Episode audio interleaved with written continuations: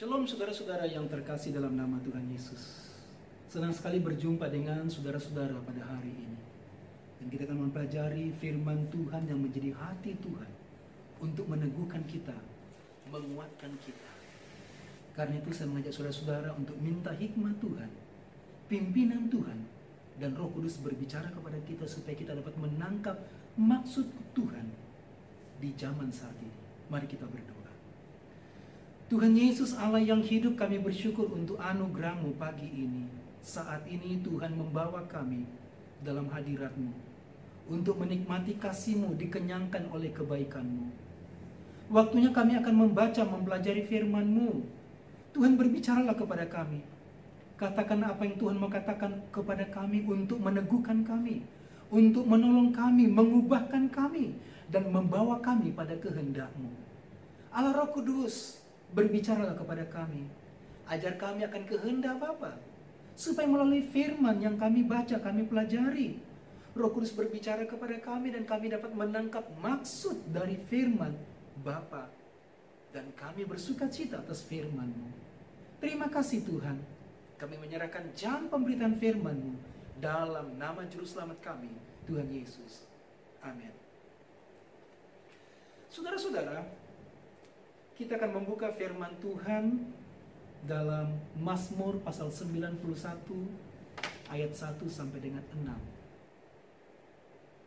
Ayat ini biasanya dikutip pada waktu ada wabah atau khususnya saat ini ada serangan COVID-19 lalu mengutip ayat ini dan dengan berkata bahwa tidak mungkin orang percaya diserang oleh COVID-19. Tapi kita akan mempelajari maksud dari ayat ini sebenarnya apa yang Tuhan mau katakan dalam ayat ini. Karena itu saya mengajak saudara-saudara untuk membuka Alkitab saudara di dalam Mazmur 91 ayat 1 sampai dengan ayat 16. Saudara sudah menemukan? Mazmur 91 ayat 1 sampai dengan 16. Saya akan membacakan semuanya Saudara menyimaknya? Demikianlah firman Tuhan. Orang yang duduk dalam lindungan yang maha tinggi dan bermalam dalam naungan yang maha kuasa akan berkata kepada Tuhan, Tempat perlindunganku dan kubu pertananku, Allahku yang kupercayai.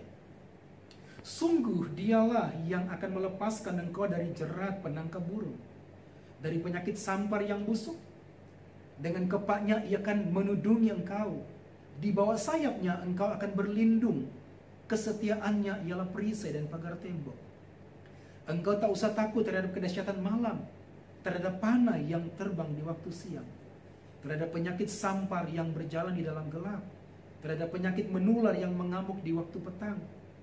Walau seribu orang rebah di sisimu dan sepuluh ribu di sebelah kananmu, tetapi itu tidak akan menimpamu.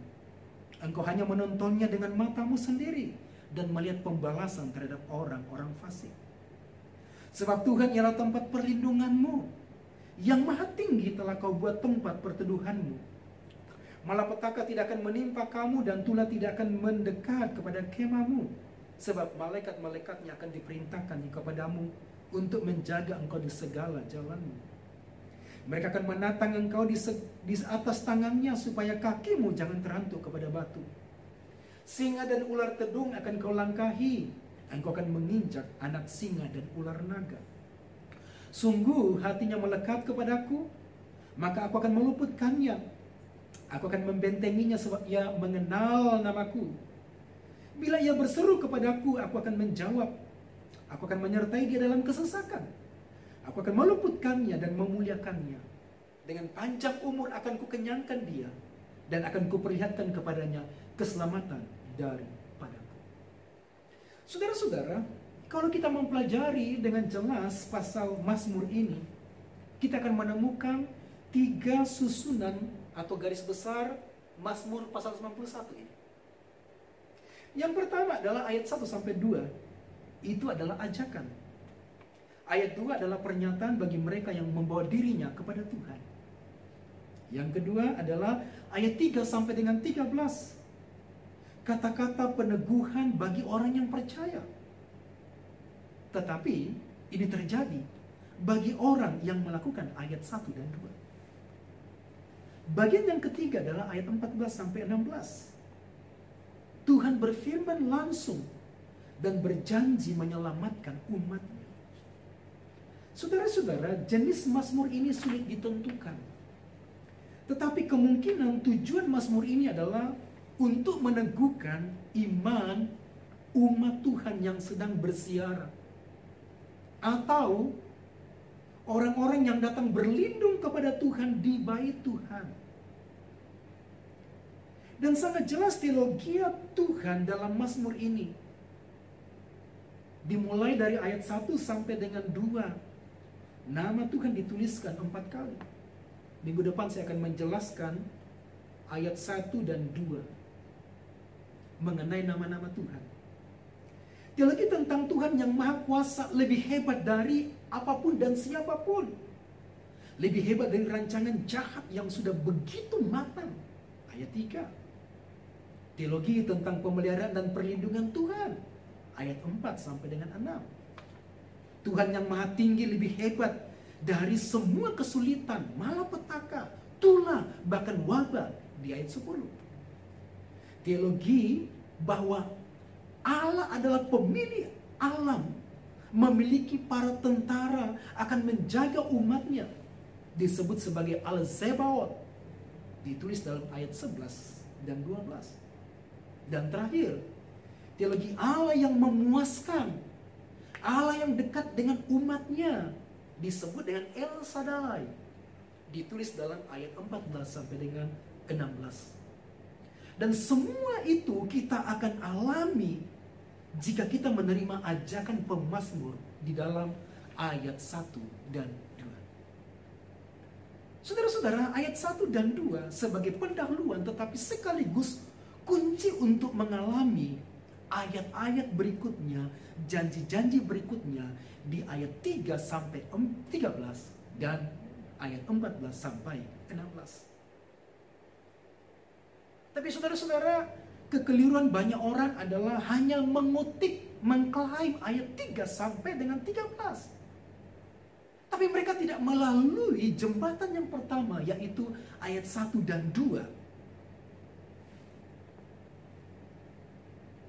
Nah, saudara-saudara dalam situasi saat ini saya yakin dan percaya bahwa keadaan ini dipakai oleh Tuhan yang saya katakan minggu lalu Allah turut bekerja dalam segala sesuatu untuk mendatangkan kebaikan bagi mereka yang mengasihi Dia. Tuhan sedang menarik banyak orang datang kepadanya. Sebab hanya Tuhanlah tempat yang paling aman untuk berlindung.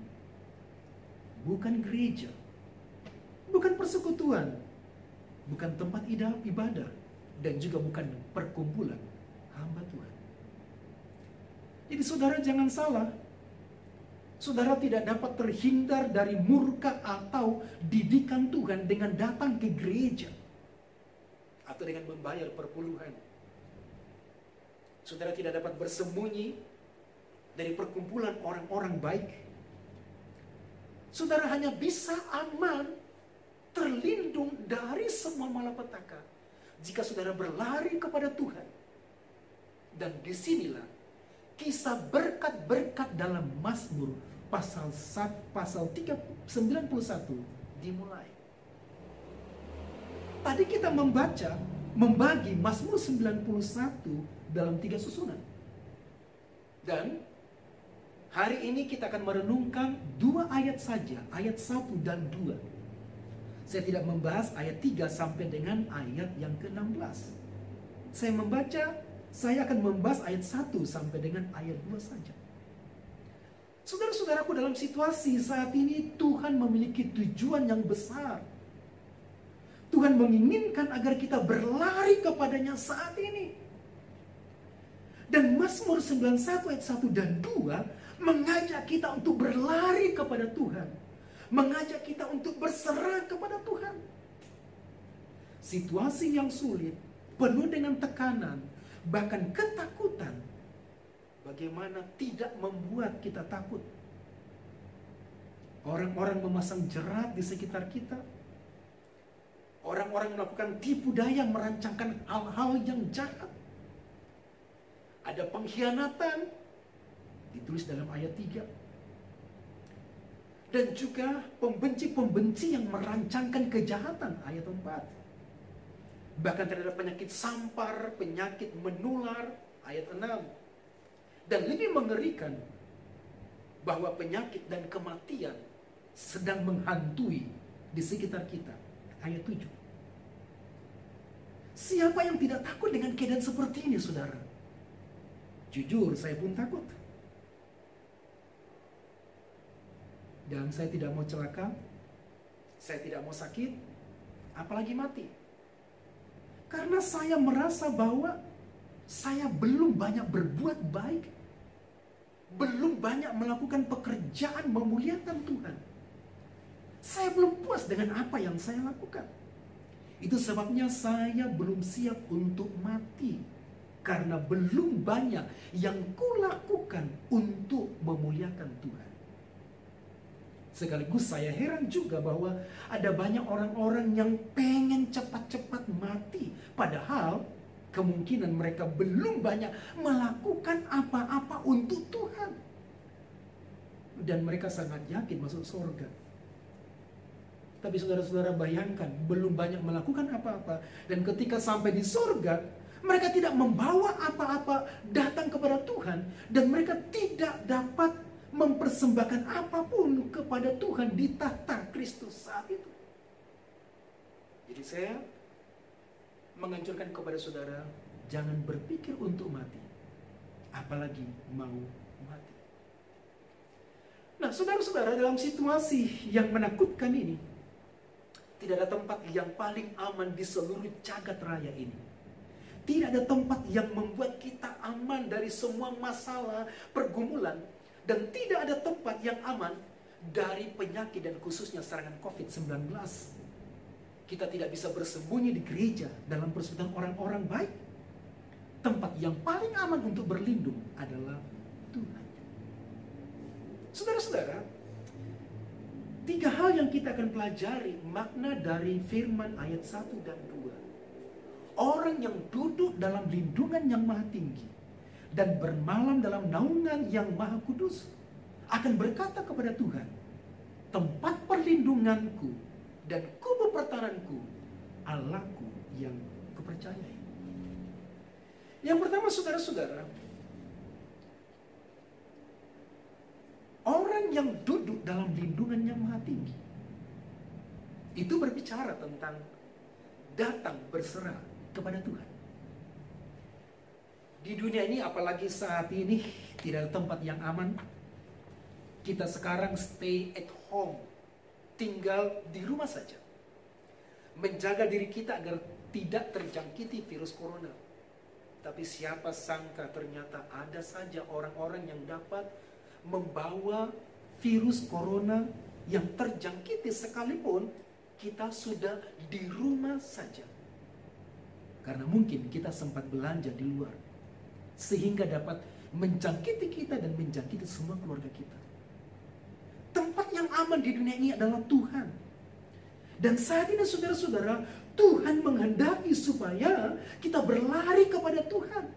Dan Tuhan memakai situasi ini supaya kita stay at home menyembah Tuhan. Stay at home untuk berjumpa dengan Tuhan. Dan hanya mengharapkan Tuhan saja. Kita berharap, berserah, bergantung, berlindung kepada Tuhan saja. Saya membacakan di dalam Alkitab ERV English Reset Version. Begini bunyinya. You can go to God most high to hide. You can go to God all powerful for protection. Kamu dapat pergi kepada Tuhan yang maha tinggi untuk bersembunyi. Kamu dapat pergi kepada Tuhan yang maha kuasa untuk berlindung. Ayat ini bicara tentang ajakan untuk datang kepada Tuhan. Ajakan untuk berlari kepada Tuhan dan menjadikan Tuhan tempat perlindungan kita. Ada empat kali diulang kata Tuhan tempat perlindungan kita dalam pasal 91 ini. Dan di mana gambaran metafora tentang Tuhan sebagai pelindung yang memiliki sayap besar melindungi kita bahkan sebagai kota pertahanan kita, tembok pertahanan kita. Hanya Tuhan tempat perlindungan kita dari semua ketakutan kita saat ini, dari semua kekhawatiran, kekhawatiran kita, dari semua bahaya, kesulitan, sakit, bahkan ancaman kematian. Karena di dalam Tuhan kita akan dihiburkan. Di dalam Tuhan kita akan dikuatkan. Sehingga kita cakap menanggung segala perkara-perkara yang sulit.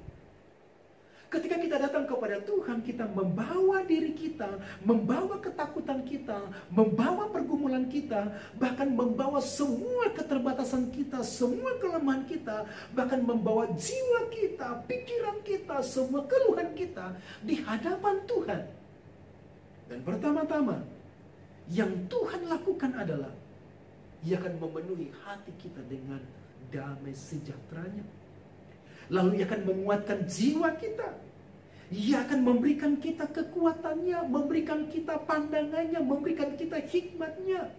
Dan Tuhan akan memberikan cara pandang yang berbeda sebelum kita datang kepadanya. Sebelum kita berlari kepadanya. Go to God most.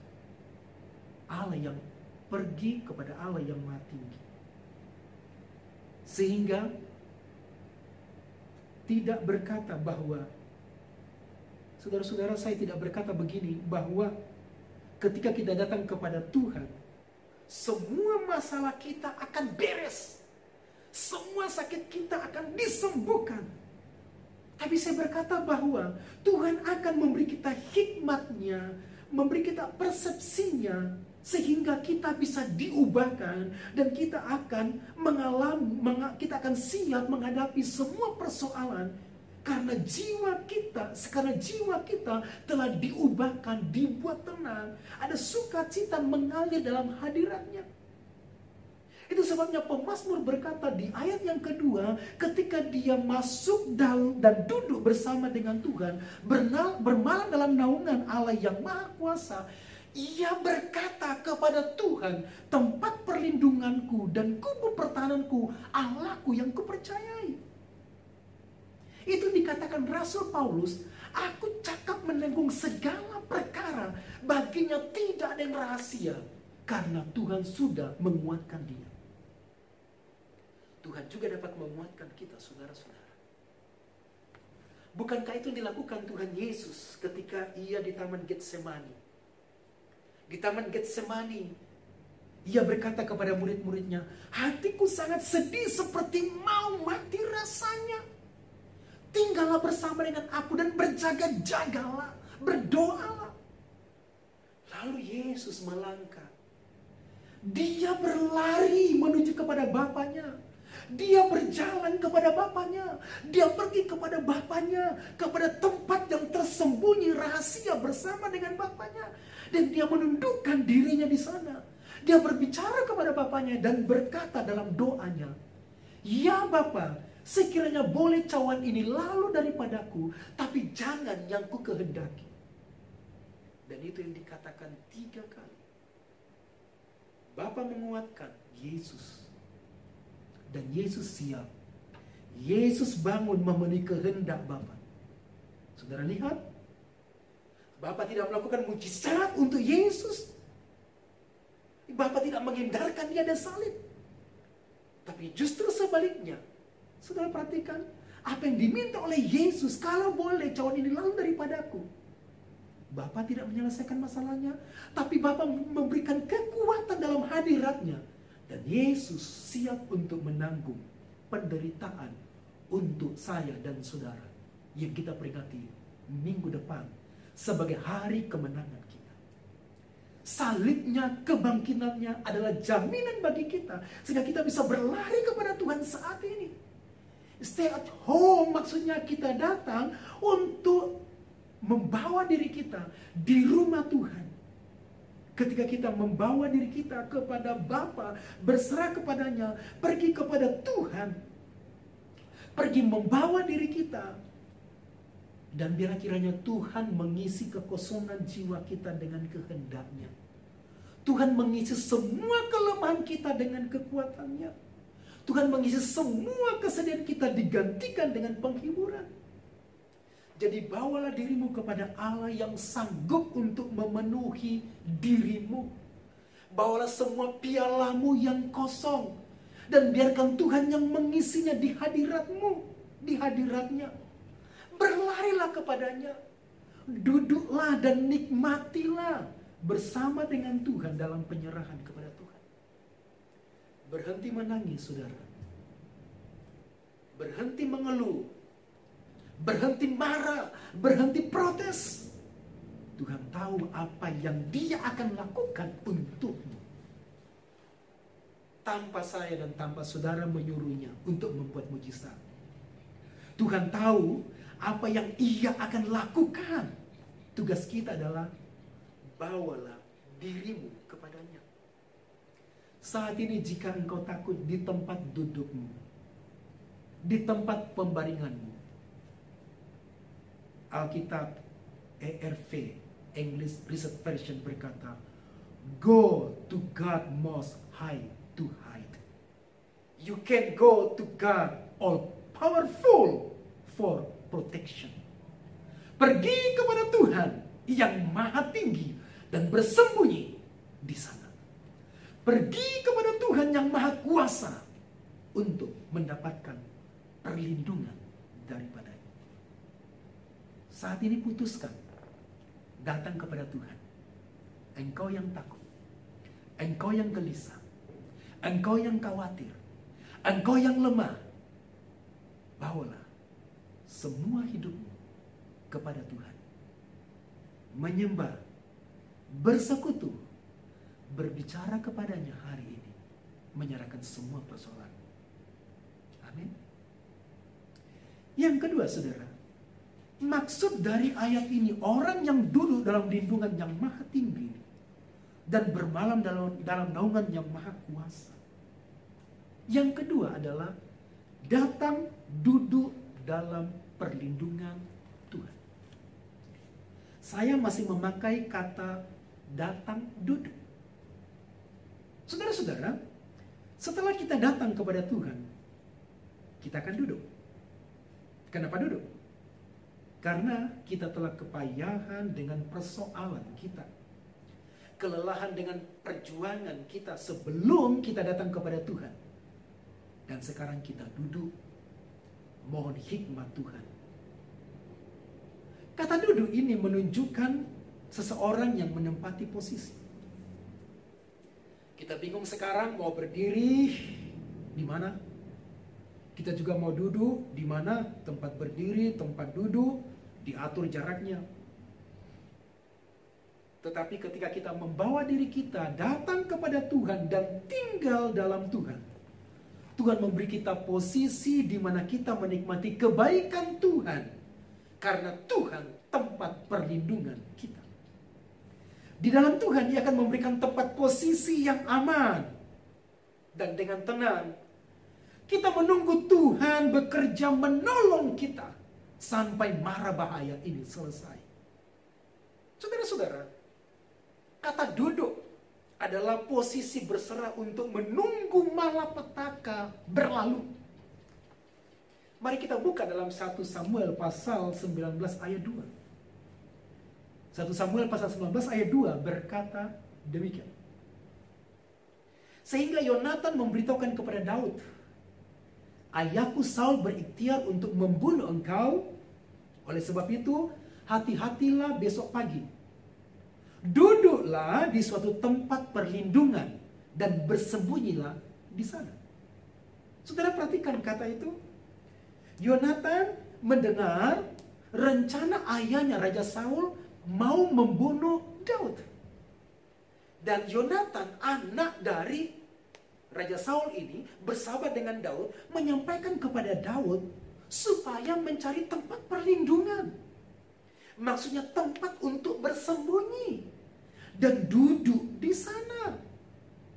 Tidak perlu berbuat apa-apa, saudara. Duduk di sana. Tidak perlu berbuat membuat senjata. Jangan berdiri dan jangan berpikir merancangkan hal-hal yang jahat, merancangkan pembalasan. Duduk, kata Yonatan. Cari tempat persembunyian dan duduklah di sana. Duduk saja. Jadi duduk itu adalah membawa diri kita datang kepada Tuhan untuk bersembunyi dari setiap malapetaka, dari setiap kesulitan. Sama yang dikatakan tadi dari ERV. Tuhan sebagai tempat persembunyian kita. Nah, saya mau menggambarkan begini, saudara-saudara. Apakah saudara ingat waktu kita kecil, kita pernah main perang-perangan atau sembunyi-sembunyian? Anak saya berumur 6 tahun saat ini. Dan saat ini beberapa kali dia mengajak saya untuk main perang-perangan atau sembunyi-sembunyian. Ketika tiba giliran anak saya untuk bersembunyi dan saya sebagai pencari, maka anak saya akan berlari ke tempat yang tersembunyi. Dia akan mencari tempat yang dia merasa aman, tidak terlihat oleh saya, tidak bisa terjangkau oleh si pencari, agak gelap, tertutup, dan tidak terlihat sehingga tidak ketahuan. Itu sedikit menggambarkan maksud dari duduk. Orang yang duduk dalam lindungan yang maha tinggi. Duduk yang dimaksud sini adalah membuat dirinya bersembunyi dalam perlindungan Tuhan. Kita tidak bisa bersembunyi di rumah.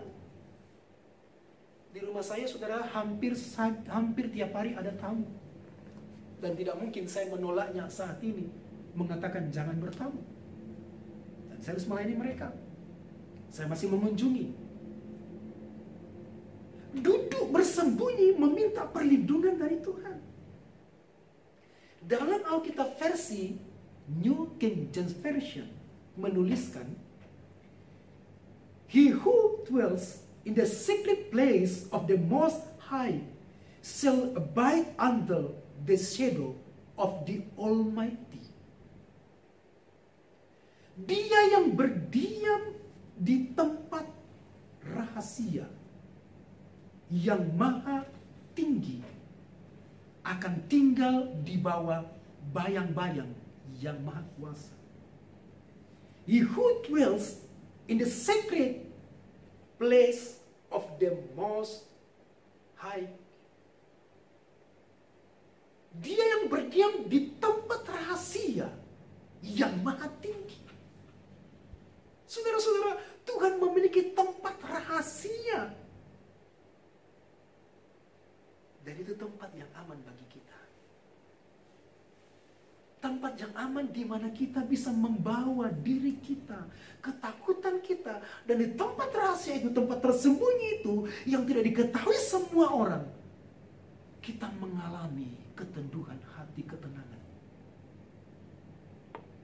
Tuhan sedang merancang seluruh dunia supaya orang-orang datang kepada Tuhan supaya orang-orang datang mencari Tuhan dan mengalami tempat rahasia itu, tempat sukacita yang mendatangkan damai sejahtera.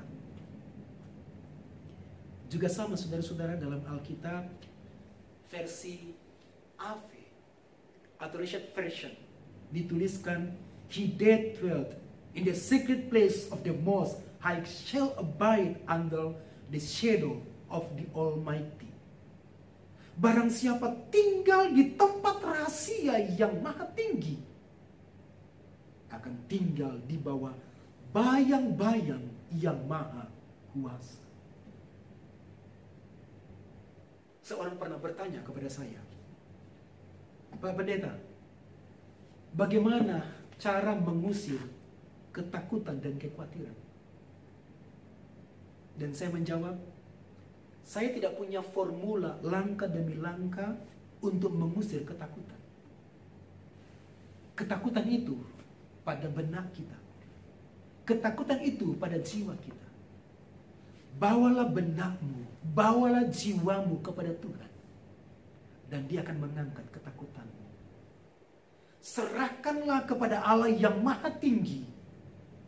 Allah yang ada di tempat yang maha tinggi tidak dapat terjangkau oleh apa pun siapa pun. Dan engkau akan dikuatkan. Tuhan adalah tempat yang tidak terlihat. Tempat rahasia. Di sanalah kita akan aman. Jiwa kita akan aman. Kita mengalami keteduhan. Tidak bergejolak. Dan tidak mengalami ketakutan. Oh mungkin ada yang protes. Pak, saya mau tanya. Apakah benar Tuhan tempat yang aman? Bagaimana dengan beberapa para pelayan Tuhan yang meninggal, karena serangan COVID-19?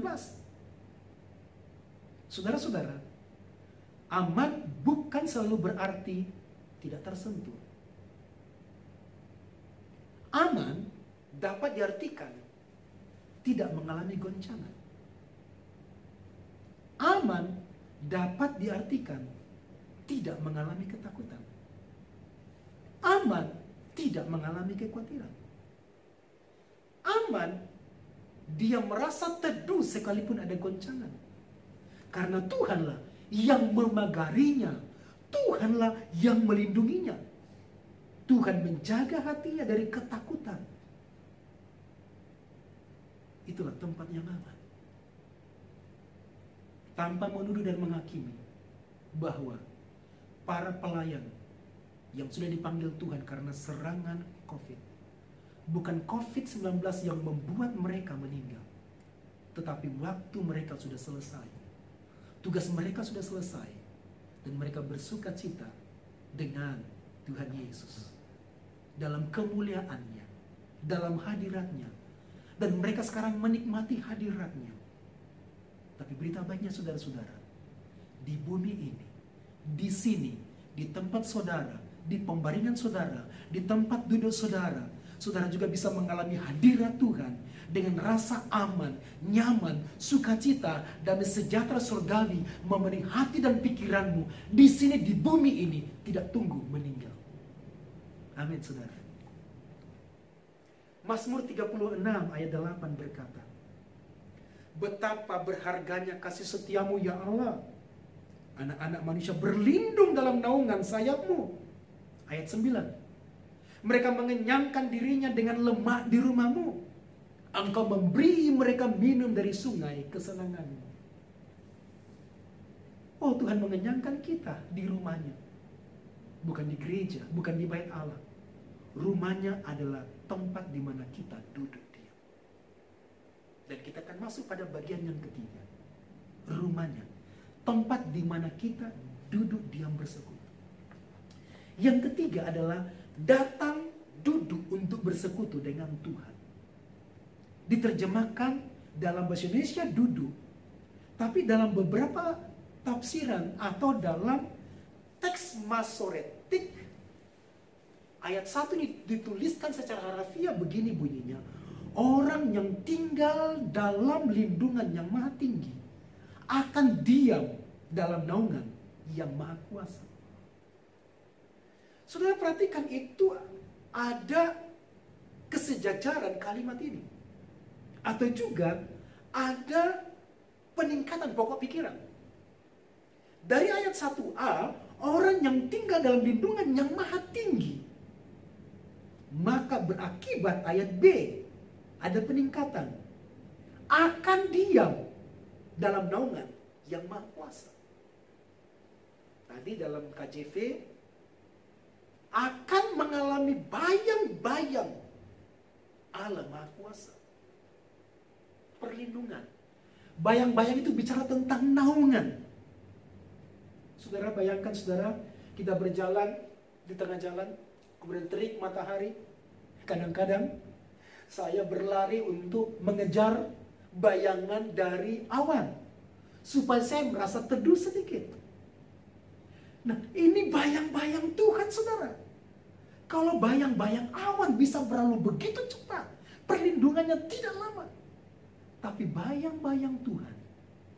Selalu dia menyertai kita. Menolongi kita. Amin saudara. Bawalah dirimu dan duduk bersekutu dengan Tuhan engkau akan mengalami bayang-bayang maha kuasa. Bayang-bayang itu akan menaungimu.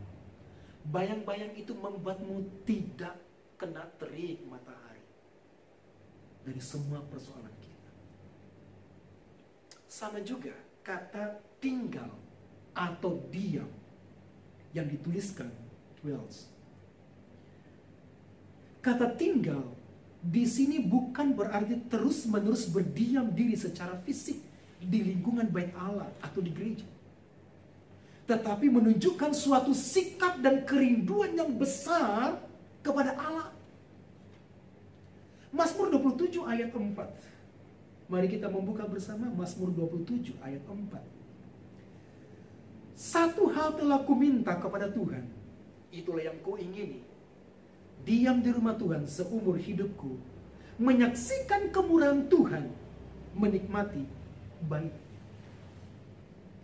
Pemasmur mengutarakan niat hatinya untuk tinggal di rumah Tuhan. Agar ia dapat menikmati hubungan dengan Tuhan. Dan dengan demikian ia dapat menikmati kemurahan Tuhan terus menerus dalam hidupnya. Tinggal di rumah Tuhan bukan berarti bahwa tinggal di bait Allah, tinggal di gereja, tinggal di rumah Tuhan adalah duduk menikmati hubungan dengan Tuhan, menikmati persekutuan dengan Tuhan. Karena tinggal di rumah Tuhan bicara tentang penyembahan, bicara tentang persekutuan. Dan ini maksud saya saudara-saudara bahwa Tuhan sedang bekerja membawa umatnya, membawa orang lain, membawa seluruh dunia untuk datang kepadanya berlari kepada Tuhan, menikmati Tuhan, menikmati hadirat Tuhan, dan menikmati persekutuan dengan Tuhan yang begitu menguatkan dengan damai sejahtera dan sukacita. Surgawinya memenuhi hati kita berlimpah-limpah mengalir masuk ke dalam pikiran kita. Kemurahan Tuhan itu adalah semua kebaikan, perlindungan, pertolongan Tuhan yang kita bisa alami dalam kehidupan kita saat ini dalam keadaan yang sulit mencekam. Lalu pemazmur melanjutkan lagunya dalam ayat 5. Sebab ia melindungi aku dalam pondoknya pada waktu bahaya. Ia menyembunyikan aku dalam persembunyian di kemahnya. Ia mengangkat aku ke gunung batunya. Itu perlindungan dan kebaikan Tuhan yang diberi bagi kita. Saudara, duduk juga bisa menggambarkan persekutuan. Bukan hanya duduk untuk bersembunyi karena ketakutan terhadap sakit, kematian, atau serangan COVID-19. Tetapi duduk berbicara dengan Allah.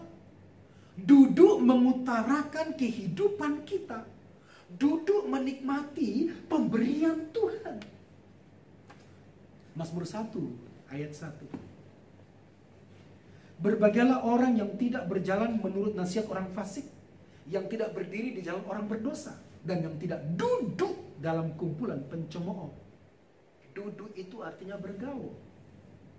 Mazmur 26 ayat 4 dan 5. Mazmur 26 ayat 4 dan 5. Aku tidak duduk dengan penipu. Dan dengan orang munafik aku tidak bergaul. Aku benci kepada perkumpulan orang yang berbuat jahat. Dan dengan orang fasik aku tidak duduk. Duduk itu adalah pergaulan. Bergaul.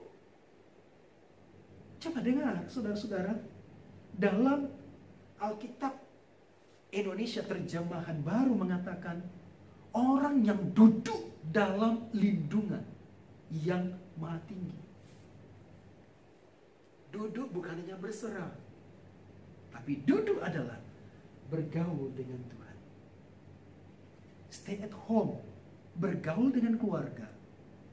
Stay at home, bergaul dengan Tuhan. Di rumahmu engkau bisa bergaul dengan Tuhan. Selama ini kita terlalu sibuk dengan pekerjaan kita kita terlalu sibuk sampai kita tidak bisa mengatur waktu untuk menyembah. Kita tidak bisa mengatur waktu untuk berdoa. Terlalu banyak alasan bagi kita. Sekarang stay with God. tinggal bersama dengan Allah saat ini di rumahmu. Bawalah semua keluargamu. Bawalah suamimu, istrimu, anak-anakmu, saudaramu. Bawalah datang kepada Tuhan. Duduk di sana. Menyembah bersama, berdoa bersama. Duduk bergaul dengan Tuhan.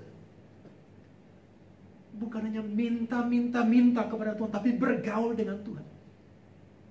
Saudara bagaimana cara bergaul dengan orang lain? Saya tidak perlu menjelaskan. Saudara tahu bagaimana caranya bergaul dengan orang lain supaya saudara dapat mengenal lebih dalam? Tuhan mau saat-saat ini supaya kita stay with God. Supaya kita duduk bersama dengan Tuhan, bersama keluarga kita mengenal Dia. Dan Tuhan akan memperkenalkan kehendaknya namanya kepada kita. Saudara, duduk juga dapat berarti berdiskusi, berbicara, bersepakat atau bermufakat. Mari kita buka Mazmur 119 ayat 23. Mazmur 19 ayat 23. Sekalipun pemuka-pemuka duduk bersepakat melawan aku. Duduk bersepakat melawan aku. Duduk berbicara bersama dan bersepakat. Saat ini saudara kita tinggal di rumah saja. Sekarang tambahkan, bukan bukan hanya stay at home, tinggal di rumah saja. Tapi stay with God. Duduk di dalam Tuhan. Waktu kita duduk di dalam Tuhan, kita sedang bergaul dengan Tuhan yang hebat. Tuhan yang maha tinggi dan maha kuasa maka ia akan membuat jiwamu kuat. Jiwamu tenang, jiwamu dihiburkan, jiwamu mendapatkan kekuatan. Mengapa engkau tidak mengalami penghiburan dari Tuhan? Sekalipun engkau berkata, saya sudah datang kepada Tuhan. Masalahnya engkau tidak sedang duduk bersamanya. Engkau tidak sedang duduk berbicara dengan Tuhan Engkau sedang duduk tapi sambil membuka SMS, membuka WA. Dalam penjaman engkau terlalu sibuk dengan urusan-urusan duniawi. Engkau tidak duduk dengan Tuhan. Waktunya duduk bersama dengan Tuhan. Ini waktu yang serius, saudara-saudara. Tuhan sedang berbicara kepada kita. Silakan duduk dan dia akan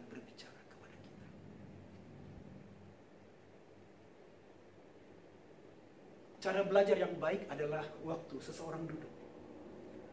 Bukan waktu berdiri atau berbaring.